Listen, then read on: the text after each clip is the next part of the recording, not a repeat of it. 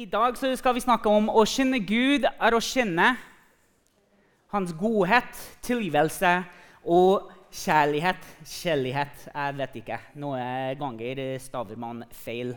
Uh, uansett tenker jeg at For noen søndager siden så snakker jeg om uh, er vi virkelige venner. Er vi ekte venner? Å være en ekte venn til noen det vil si at du kjenner dem godt, egentlig. Men hva er det du egentlig kjenner om den personen? Og jeg tenker Når du står nær i relasjonen eller i et forhold med noen andre, så må du tenke på hva er det de snakker om, hvordan lever de livet? Og er de virkelig den personen de har sagt om seg? Og lever det livet de sier de lever. Fordi noen ganger, hvis vi tenker på det her, så tror vi at vi kjenner en person veldig godt. Vi kjenner hvordan de tenker, hva de tenker på, hvordan de lever livet sitt, hva de støtter, hva de ikke støtter. Og så går vi inn på Facebook eller Insta eller Snap eller eh, hva en eh, app dere bruker, og da tenker du Er det sånn? Støtter de egentlig det som de har sagt til meg at kanskje de ikke støtter? Eller vi har kanskje ikke snakket så mye om det, så det kommer som en åpenbaring at den personen egentlig liker de tingene. Eller kanskje har sagt at 'nei, det der er ikke så bra', men plutselig det jo at 'å ja, de, de støtter det faktisk'. Eller kanskje har, du har sett eh, på livet at og ja, for eksempel, Man tenker at ja, man går i kirka og man gjør alle disse gode tingene. Så møter de du ute i byen. Så kanskje de eh, har pils i hånden, eller de, de, røyker, eller hva enn det er. Og du tenker Oi, er det egentlig sånn jeg skal være? Ikke misforstår meg nå. Jeg, jeg liksom, liksom, ikke nedsetter eller kaster de andre under buss som du møter ut med pils eller røyker, og de sier at de er kristne folk. Det er ikke det jeg er her for. Man må leve med seg selv. Man må lære hvordan å gå videre og bort fra de tingene som kanskje er ikke det beste for seg, eller det beste forbildet for Guds menighet. Så det er ikke derfor jeg er her i dag for å snakke om å har en relasjon til din person. Kjenner du din person eh, veldig godt, eh, så må du gjøre noe med atferden og hva de holder på med. Nei. Jeg bare sier at Noen ganger møter vi folk i relasjoner som får oss til å løfte blikket litt og tenke Kjenner jeg virkelig den personen? Hva er det jeg virkelig vet om den personen? Hvis jeg møtte litt motstand, eller hvis jeg møtte noe som ikke helt stemmer med som jeg kjenner til dem. Og jeg tenker det er akkurat det samme, eller det gjelder den relasjonen mennesker har også med Gud. Ikke sant? Vi leser i Det gamle testamentet at Gud han ofte møtte synd og syndere og uh, onde og dårlige atferd og sånne ting med vrede. Men hvordan kan det være at Gud har kjærlighet for sine mennesker, sin skapning, og møter dem med vrede? Det kommer vi tilbake til. Eller når vi ser at å, det er så mye onde i verden, og Gud han er faktisk en god Gud. Det får man til å løfte blikket litt og tenke Kjenner jeg virkelig Gud? Hva er det jeg virkelig vet om Gud? Og hvis du kjenner Gud, så er det faktisk å kjenne at han er god hele tida. Så det jeg håper at vi kan eh, få til her i dag, og hjelpe dere som er på vei mot Gud, og hjelpe dere som er i et forhold med Jesus, bekrefte at dere kjenner Gud virkelig godt. Og hvis du leter etter Gud, så er du på riktig spor og kjenner Gud, når du kjenner at han er god uansett situasjon, når du kjenner hans tilgivelse, og når du kjenner til hans kjærlighet. Så det første ting jeg tenker, som sagt, er å kjenne hans godhet. Det står i salmene og i Nahum og Jakob. Vi har David her. Her er et forespørsel. Her er på en måte en bønn han har til Gud. Tenk ikke på min ungdoms feiltrinn og synder. Tenk på meg i din miskunn, Herre, for du er god. David har opplevd Guds godhet i sitt eget liv. Det er ikke noe han bare snakker om. Det er ikke noe han har en teori om. Her er noe som han selv har opplevd. Så har vi Nahum, som er en profet. Og han forteller andre mennesker om Guds godhet. Herren er god, et vern på nødens dag. Han tar seg av dem som søker tilflukt hos ham. Han minner dem på at nå er det tiden for å omminne seg til Gud. Det kommer en dag hvor du skal være i nød. Du skal ha et stort behov for Gud i ditt eget liv. Og han er god. Han ønsker at du kommer tilbake til ham. Han tar vare på de som søker tilflukt hos ham. Så møtte vi Jakob i Det nye testamentet, og han, han påminner sine om at all god gave og all fullkomne gaver er ovenfra. Den kommer ned fra lysens fær. Hos ham er det ingen forandring eller skiftende skygge. Gud er alltid det samme. Han er alltid god. Og det som skjer noen ganger, hvis vi bruker en liten illustrasjon her, er at her er, go her er godhet. Guds godhet. Ikke sant? Vi vet at det er der. Vi ser det, vi har opplevd det. Og så her kommer noen vanskeligheter og utfordringer i livet. Og så Det begynner å dekke over Guds godhet. Og Hvis det skjer gang om gang og i lenge perioder, så glemmer vi at ballen er der. Vi glemmer at Guds godhet er faktisk der. Uansett vi ser det eller ikke, så er Guds godhet der. Og det skjer noen ting i livet hvor vi, vi kanskje hører, vi ser Guds godhet, men vi ikke, vi ikke opplever det. Og uansett det skjer i livet vårt, så vet vi vi kan stole på at Guds godhet er alltid der. Fordi den er sannheten om Gud. Uansett hva du opplever i livet ditt akkurat nå, så er hans godhet alltid der, alltid tilgjengelig. Det er noen ganger at vi må ta en stilling. Vi må ta et annet perspektiv til hvordan vi skal se på Gud. Hvordan vi skal tenke på det forholdet og relatere til ham i løpet av den tiden at vi opplever godhet. Hvis vi tenker på en annen illustrasjon Det er mange som kjenner til eh, småbarn, selv inkludert. Når jeg kommer til mine barn og jeg gir dem smågodt eller lar dem se på TV eller dra ut på banen sammen med dem, de ser godheten min veldig tydelig. Når jeg sier snille ting til dem, når jeg løfter dem opp i lufta, når jeg gjør forskjellige ting De tenker 'Pappa, han er så snill, han er så god. Jeg liker å være i nærheten av ham.' Men når jeg kommer og jeg sier 'slå av', eh, du får ikke lov lenger å være én, dere må gå ut. Uten meg, jeg skal ikke eh, underholde dere i dag. Du får ikke lov å spise eh, liksom, godteri på tirsdag. Du må gjøre lekser, du må lese. Hvor er godheten, da? De syns ikke lenger at jeg er snill og at jeg er god. Der er jeg dum, der er jeg slemme pappa. Men likevel, når de ser liksom stort, store bilder der, så ser de at vet du hva, pappa gjorde det her fordi han er glad i oss. Han møter oss med sin godhet, selv om vi ikke ser det. Utfordringen eller skuffelse av hva de har forventet, eller hva de opplever i livet akkurat der og da, har dekket over godheten som er faktisk der. Og det gjelder Gud og deres relasjon også. Han er god.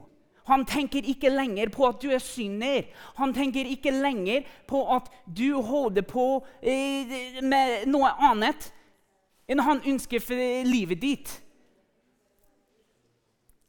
Han møter deg i din nød. Han ønsker din beste. Han ønsker å ta været på deg når du søker ham.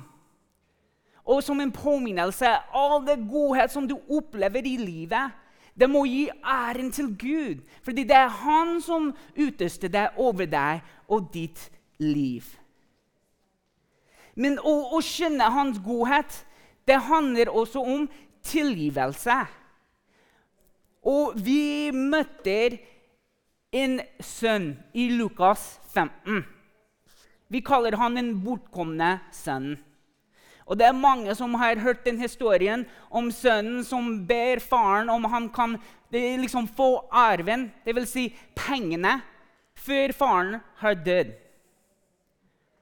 Og faren nå tenker så mye på det, vil jeg tro, bare sier 'vær så god'. Vi får se hva du skal gjøre med det her. Surprise, surprise, han slusjer bort uh, alle pengene. Han tenker at livet er ferdig. Hva skal jeg gjøre? Hvordan kommer jeg meg hjem igjen? Han har eh, sikkert øvd flere ganger på tallene han skal gi til faren eh, for å komme eh, i hans nåde og kjærlighet og møte den tilgivelsen. Men hva skjer? På slutten av den historien, når han kommer hjem Han får ikke si et eneste ord før faren kommer løpende ut for å ta imot ham. Det er ikke noe 'I told you so'. Jeg skjønte at det skulle skje. Jeg har advart deg. Det er helt motsatt enn hvem jeg er. Når jeg leser den historien, så tenker jeg hvorfor kan jeg ikke være mer sånn faren til den bortkomne sønnen? Fordi jeg er mer sånn broren til den bortkomne sønnen som sier, 'Hvorfor gjør du sånne ting?' Hvorfor tar du imot sønnen? Jeg sier ofte særlig til mine at ja, men det har jeg sagt, det har jeg fortalt deg. Det er nesten som at du har fortjent det fordi du ikke har hørt etter hva jeg har sagt til deg. Det er ingen nåde, det er ingen tilgivelse, det er ingen forståelse for den situasjonen. Og det høres veldig dårlig ut kommer, når det kommer fra liksom, pastor Sean. Men jeg bare prøver å fremme meg sånn akkurat den personen jeg er. Jeg er så glad i mine barn. Jeg elsker dem. Jeg elsker mennesker. Men det er noe inni oss når den tanken bare liksom kommer og bobler opp at ja, men Husker at jeg har sagt det? Husker du at du ikke skulle ha gjort det pga. A, B og C?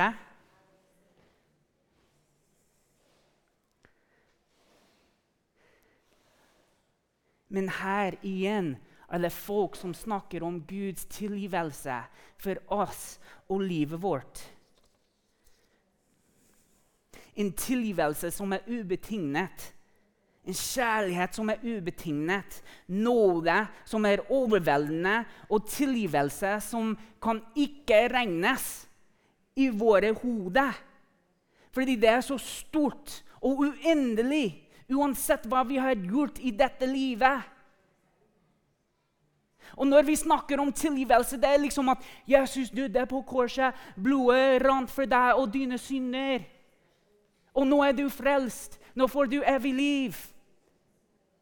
Jo, det, det, er en veldig viktig del av budskapet, men det er ikke hele budskapet. Fordi når vi snakker om korset, når vi snakker om oppstandelse, alt det godhet som vi snakker om, den tilgivelsen, det er snakk om at Jesus han forsoner oss til en relasjon med Gud. Å kjenne Han. Å kjenne Han er å kjenne Hans godhet. Er å kjenne den tilgivelsen som den faren viste den bortkomne sønnen. Og når vi selv kan innrømme at vi trenger tilgivelse for vårt liv og våre synder. Fordi I Salme 25 så står det at Gud er god og rettskaffen. Derfor viser han syndere vei. Vi er syndere. Vi trenger å bli vist veien til Gud, og det er gjennom Jesus. Vi er så takknemlige for at vi kan stå opp hver dag og tenke på at vi har en venn som Jesus, som ønsker å sone oss tilbake til den relasjonen med Gud. Så Paulus han skriver til kolosserene så dere tåler hverandre og tilgir hverandre der, dersom en skulle ha noe å anklage en annen for. Liksom Kristus har tilgitt dere, skal også dere tilgi hverandre. Det er mange forskjellige kanaler bak eh, det her på lydanlegget. Lydanlegget. Og akkurat som de forskjellige kanaler gir ut forskjellige strøm og lyd og teknikker og liksom forskjellige ting de gjør forskjellige ting, sånn er vi også skapt. Vi er skapt som forskjellige mennesker, men har tatt imot den samme tilgivelsen. Og vi skal også være kanaler for den tilgivelsen, slik at når vi har tatt imot, kan vi også gi det ut til andre mennesker. Men hør nå, det er ikke akkurat sånn det funker for oss. Vi tenker at vi skal ha hevn på de andre som har gjort noe mot oss. Men det er ikke sånn det virker i Guds rike når vi har overgitt oss til Jesus. Det er slik Guds tilgivelse fungerer i himmelens rike. At alt er tilgitt med en gang at vi kommer i det forholdet med Jesus. Og Det samme gjelder når vi kommer i det forholdet med Jesus. Så skal vi også lære oss å tilgi hverandre. I ham har vi forløsningen ved hans blod, synens forlatelse etter hans nådes rikdom. Dersom vi bekjenner våre synder, er han trofast og rettferdig, så han forlater oss syndene og renser oss fra all urettferdighet, skriver Johannes.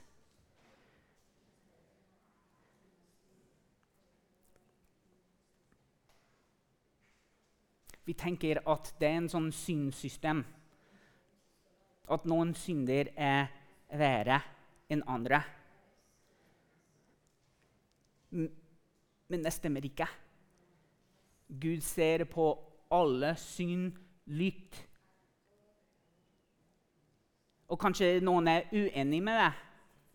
Men hør Det er ikke liksom verdien av synd men hva synden man gjennomfører, fører til. Så konsekvensen av innsyn La oss si at utroskap Gud ser ikke Gud ser det likt som han ser på mor, f.eks. Men utroskap det skal eh, selvfølgelig ødelegge livet mitt, ødelegge livet til eh, Hanna og barna og andre. Men mor det har litt store konsekvenser, det også. Da skal jeg havne meg i fengselet. Da får jeg eh, liksom, miste en god del av livet mitt. Så synden det fører til forskjellige konsekvenser. Men Gud han tilgir alle syndene likt når vi kommer til Jesus. Og jeg tenker Det som mennesker kan vi også jobbe med. Fordi når vi kjenner Gud, så er det å kjenne hans tilgivelse for andre akkurat som Paulus skrev til kolosserene i vers 13, kapittel 3. Men vi har også Guds kjærlighet, fordi vi har hørt veldig ofte at Gud elsker alle mennesker. Og det stemmer, det. Gud elsker alle mennesker.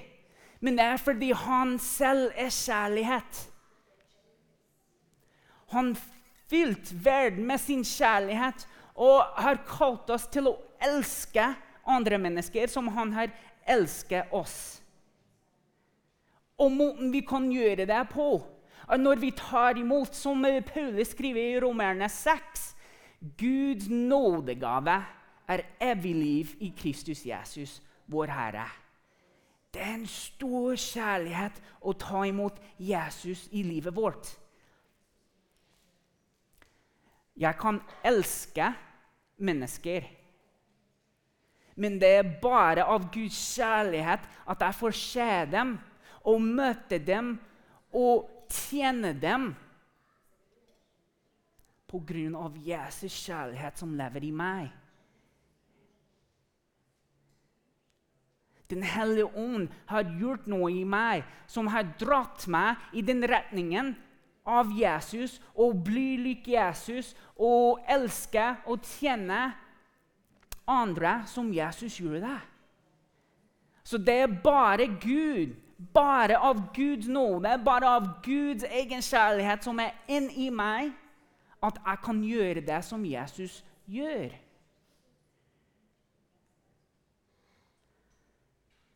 Og Gud han er synonymt med kjærlighet og elsker mennesker. Og det er ikke den overfladiske kjærligheten til de materialistiske ting her i verden. Men den slags kjærlighet som er bønnløs, uendelig, begrenseløs og langt større enn man kan fatte. Fra menneskebegynnelsen har Gud elsket sitt folk. Og som jeg startet med i begynnelsen, møtte vi en Gud i Det gamle testamentet som møtte syn med vrede. Så i vårt hode, når vi prøver å liksom kjenne Gud og finne ut hvem han er, og ha litt kunnskap om hvordan han kan være sånn i det gamle og sånn i det nye, så tenker vi hvis han er en kjærlig Gud, hvorfor møter han med vrede? Og sannheten er at synden måtte gjøres opp, og var derfor Gud sendte Jesus for å dø en gang for alle. Når vi ser i Det gamle testamentet og man prøvde gang om gang igjen for å leve etter regler og lover, så falt de alltid kort. De kunne ikke oppfylle kravet. Når vi ser rundt oss i dag, ingenting har forandret seg. Vi får ikke møte kravet av lover, bokstavelig talt, her i verden. Vi behandler mennesker som de har ingen verdi. Vi ser bort fra de eh, bibelske prinsipper om hva det vil si å være en familie, om hvordan man skal forholde seg til hverandre. Men det fins godhet i nyheter om Jesus. Det fins tilgivelse og forsoning i det budskapet om Jesus og i Jesus og gjennom forholdet sammen med ham. Gud sendte Jesus for å dø en gang for alle, så mennesker kunne få deg rett med Gud. For syndens lønn er døden, men Guds nådegave er evig liv i Kristus Jesus. Og Guds kjærlighet det gjør noe. Det er liksom to sider til det. Min kjære, la oss elske hverandre, for kjærligheten er av Gud. Først og fremst den kjærligheten som er i meg, den kjærligheten som er i alle som søker Jesus. Det er fra Gud. Og var den som elsker, er født av Gud og kjenner Gud. Den som ikke elsker, kjenner ikke Gud, for Gud er kjærlighet. Ved dette ble Guds kjærlighet åpenbart iblant oss. At Gud har sendt sin innebårne sønn til verden for at vi skal leve ved ham. I dette er kjærligheten, ikke at vi har elsket Gud, men at Han har elsket oss og sendt sin sønn til soning for våre synder. Mine kjære, Gud har elsket oss slik. Da skylder også vi å elske hverandre. Ingen har noensinne sett Gud. Det første har å gjøre med Gud. Alt handler om Gud. Han har gitt oss noe. Tar vi imot? Hans kjærlighet er i oss. Fordi han har sendt Jesus og sonnet oss tilbake. Så da skal vi også gjøre noe. Vi skal også elske hverandre. Dersom vi elsker hverandre, da blir Gud i oss. Jesus sier verden skal vite at dere tilhører meg. Hvordan? Ved hvordan de ser at dere elsker hverandre. Da blir Gud i oss, og kjærligheten til ham er blitt fullkomne i oss. Av dette kjenner vi at vi blir i ham og han i oss. At han har gitt oss av sin ånd. Og vi har sett og vitner at Faderen har sendt Sønnen som verdens frelser. Den som bekjenner at Jesus er Guds sønn, i ham blir Gud, og han i Gud. Og vi har kjent og tro den kjærlighet som Gud har til oss. Gud er kjærlighet. Den som blir i kjærligheten, blir i Gud og Gud i ham. I dette kjærligheten blir fullkomne hos oss, at vi er frimodige på dommens dag. Jeg syns det er så flott at Johannes gjentar ting nesten setning etter setning etter setning om Guds kjærlighet, at det er i oss, og at Jesus er i oss. Og når vi elsker Gud, så elsker han oss. Og når vi elsker mennesker, så ser andre at kjærligheten som Gud har gitt oss, er i oss. Det blir fullkomne på den måten. Når vi lærer å vise hverandre godhet fordi Gud har først vist oss hans godhet. Når vi lærer å tilgi hverandre fordi Jesus har først tilgitt oss og våre synder.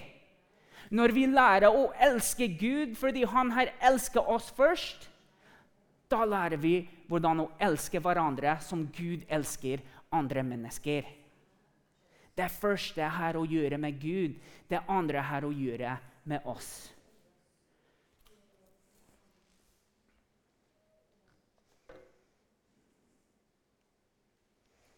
Guds kjærlighet for oss er ikke avhengig av om vi elsker ham. Det er ikke nødvendig for Gud at vi først må få det rett med ham før vi kan komme til ham. Han har elsker oss først. Han ønsker at vi skal omvende oss mot ham. Den måten vi får det rett med ham, er ved at vi ganske enkelt kommer til ham. Så høyt har han elsket oss. Å kjenne Gud er å kjenne hans godhet, hans kjærlighet og hans tilgivelse.